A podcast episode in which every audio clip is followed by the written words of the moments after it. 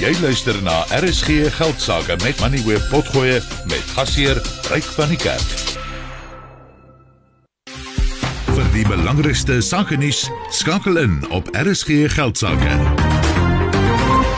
Andre de Ruyter se betrokkeheid by Eskom het vandag tot 'n einde gekom nadat hy en die Eskom direksie vergader het en dit is nadat hy op televisie gesê daar is grootskaalse korrupsie by Eskom op die oomblik aan die gang. Hy het gesê dis buite beheer en dat soveel as 1 miljard rand per maand gesteel word. Hy het ook gesê daar is senior individue in die regering wat betrokke is en dat daar ook geweldige weerstand binne Eskom is teen die stelsels wat hy in werking wou stel om korrupsie hok te slaan. Nou hy sou natuurlik reeds einde Maart sy kantoor verlaat het want hy het reeds bedank, maar hy is nou uit en 'n mens kan sekerlik sê dat hy in die pad gesteek is. Dawie Rood is van die Efficient Groep en hy is op die lyn. Dawie, welkom by die program. Daar het baie die afgelope 24 uur verander niks anderster as dramaties nie. Hierso baie bewegende gedeelte dat ek weet nie eers eintlik waar om te begin nie. Ons het byvoorbeeld 'n nuwe kabinet wat op pad is, ons het 'n nuwe minister van elektrisiteit wat op pad is, ons het die minister van finansies wat groot veranderings aangekondig het wat Eskom aanbetref en nou het hierdie bom wat gelos is deur Andre de Ruyter wat beweer van korrupsie in die regerende party en alles wat daarmee saamgaan en ewe skielik is nou besluit dat hy, hy moes met dadelik sy tassie vat en gaan. Ek dink die goed wat Andre de Ruyter gesê het, dit is werklik waar 'n bom wat ontplof het. Een van twee goed moet hier gebeur. Hy moet bewys dat hy leuns vertel het en sy kop moet rol in die proses of daar moet behoorlike stappe geneem word om vas te stel wat werklik hier aan die gang is. In normale lande met behoorlike werkende demokrasie is indien sulke tipe van beweringe gemaak word deur iemand so senior soos byvoorbeeld Andre de Ruyter. Onthou, hy het die grootste utiliteit of dan nutsmaatskappy in Suid-Afrika bestuur. Hy is 'n senior persoon wat baie ernstige aantuigings gemaak het en is daar enige waarheid in hierdie tipe van goed is dink ek moet die regering eintlik bedank. So ernstig is hierdie tipe van aantuigings wat hy gemaak het. So ek dink nie die president kan dit net los nie. Een van twee dinge moet gebeur. Of die regering moet pa staan vir die beweringe wat teen hom gemaak word of dit moet bewys word dat ander ruiters uh, leuns vertel. Ja, ek dink die regte roete om te volg is die howe. Hy moet 'n kriminele klag gaan lê en daar moet 'n formele ondersoek wees. Dis een ding om dit op 'n televisieprogram te sê. Die ander ding is as mense dit nou regtig moet ondersoek, dan is daar die kanale wat gevolg moet word en dit gaan interessant wees om te sien of dit volg want hy het basies homself nou 'n vletjieblaser gemaak. Ja, ek het gekyk na sy onderhoud, maar soos ek dit verstaan, het hy 'n paar keer by die polisie en by die vervolgingsowerhede het hy nou klagtes al aan aanhange gemaak. Daar het blykbaar niks van gekom nie. Volgens hom nou en ek weet nou nie wat moet hy doen. Hy kan nie direk na die howe toe gaan nie. Ek meen dit is 'n kriminele saakie, so gaan lê 'n klag by die polisie en sê dit is wat jy moet gaan gebeur, maar hy het dit blykbaar alreeds gedoen. So verstaan ek dit. En daar het niks van gekom nie. Ek dink wat miskien ook moet gebeur en die president moet hierso toetree.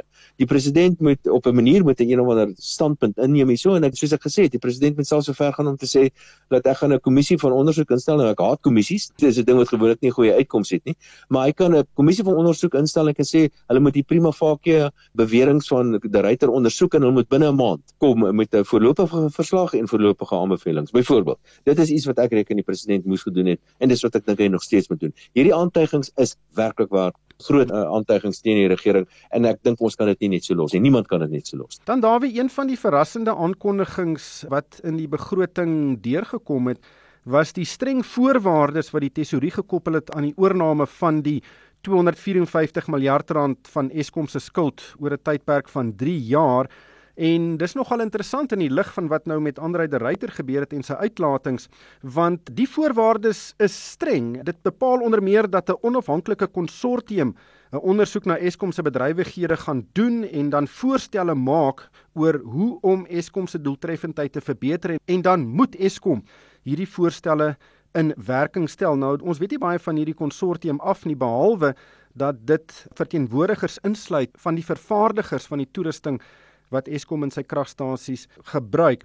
Eskom moet dan boonop ook die bedryf van sy kragstasies uitkontrakteer aan die private sektor nadat hierdie ondersoek nou afgehandel is en die veranderings in werking gestel is en die private sektor sal dus daardie stasies bedryf en dit sal op 'n konsessiebasis wees. Hulle sal nie aandele besit in daardie stasies nie. Dis 'n interessante ontwikkeling. Die regering sê dis nie 'n privatisering nie, maar hoe sien jy dit? Hier is eintlik op 'n manier die privatisering van Eskom wat geleidelik besig is om plaas te vind. En dis die begin van die einde van Eskom, soos wat Suid-Afrikaanse lugdiens tot einde geloop het en die poskantore ook net einde geloop het. Ek is nie heeltemal seker hoe die proses gaan plaasvind nie, maar ek vermoed 'n skuld wat verval gaan net eenvoudig term wat ons gebruik is oorgerol word op die staat se boeke. En dan dan so so wat 70 miljard rand se rente wat die staat gaan betaal. So dis nie alles skuld nie. Maar wat hier eintlik aan die gebeur is, dink ek, van 'n politieke hoek wat ek dink belangrik is, is dat die tesouriers het hierdie tipe van goed geïmplementeer, hierdie voorwaardes gestel. Gweri Montas vir een is verseker nie tevrede met hierdie tipe van voorwaardes nie. So ek dink ja's binne in die kabinet is daar spanning soos ek ook gesê het, hierdie is eintlik 'n agterdeur manier van om Eskom te privatiseer deur die bedryf gedeelte van Eskom dan nou in die hande van die privaat sektor te plaas en ook baie belangrik soos wat jy genoem het, ons moet buitelanders kry om te kom kyk wat hier aan die gang is en die idee is natuurlik daar om onafhanklike groep te kry wat 'n onafhanklike opinie veronderstel is om dan nou te hê. Mense moet egter net pasop, daar moet nog baie water in die see loop en as 'n hele klompie baie magtige ministers nog steeds in die kabinet wat nogal uit hulle pad uit kan gaan om hierdie tipe van prosesse te kelder. Maar sonder twyfel dink ek het die minister van finansie dit baie duidelik gemaak dat hy wil Eskom in 'n sekere rigting stuur en hierdie rigting waarin hy Eskom stuur sluit nie vir mense soos Pravin Gordhan en Gweri Mantashe in nie. Hulle word duidelik in die proses eintlik weggelaat en ek sou nogal graag wil sien hoe die nuwe minister van elektrisiteit gaan wees of dit 'n pro Gonangwana persoon gaan wees al dan nie. Ek hoop dit werklik waar dit is want dan sien ons 'n grootskaalse privatisering van Eskom wat oor die volgende klompie jare gaan plaasvind. Maar dit kan sekerlik nie werk indien die minister van openbare ondernemings en dan ook die minister wat verantwoordelik is vir energie nie saamstem nie om nou nog 'n persoon in die presidentskap aan te stel om nou die kitaar te slaan gaan mos nie werk nie. Die enigste oplossing vir die president is om vir Pravin Gordhan en vir Gwedimantash in die pad te steek.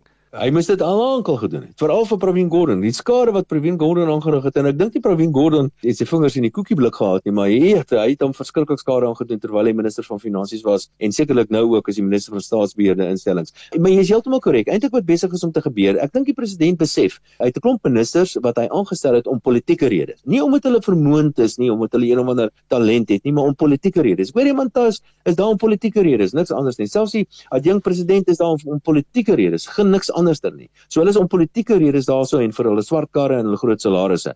Terselfdertyd is hy besig om 'n parallelle kabinet eintlik aan te stel wat direk aan hom moet rapporteer.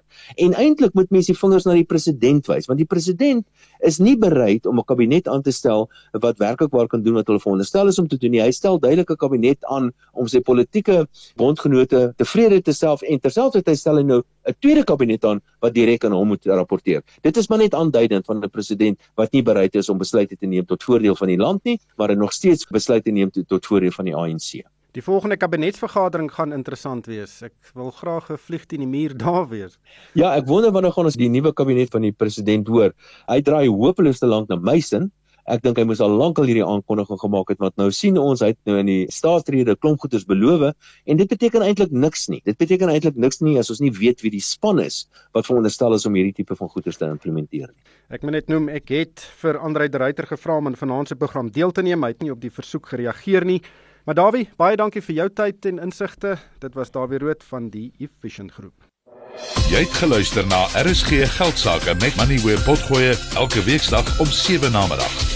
Vir meer Money where potgoe, besoek moneyweb.co.za of laai die toepassing af en volg Moneyweb News om dagliks op hoogte te bly.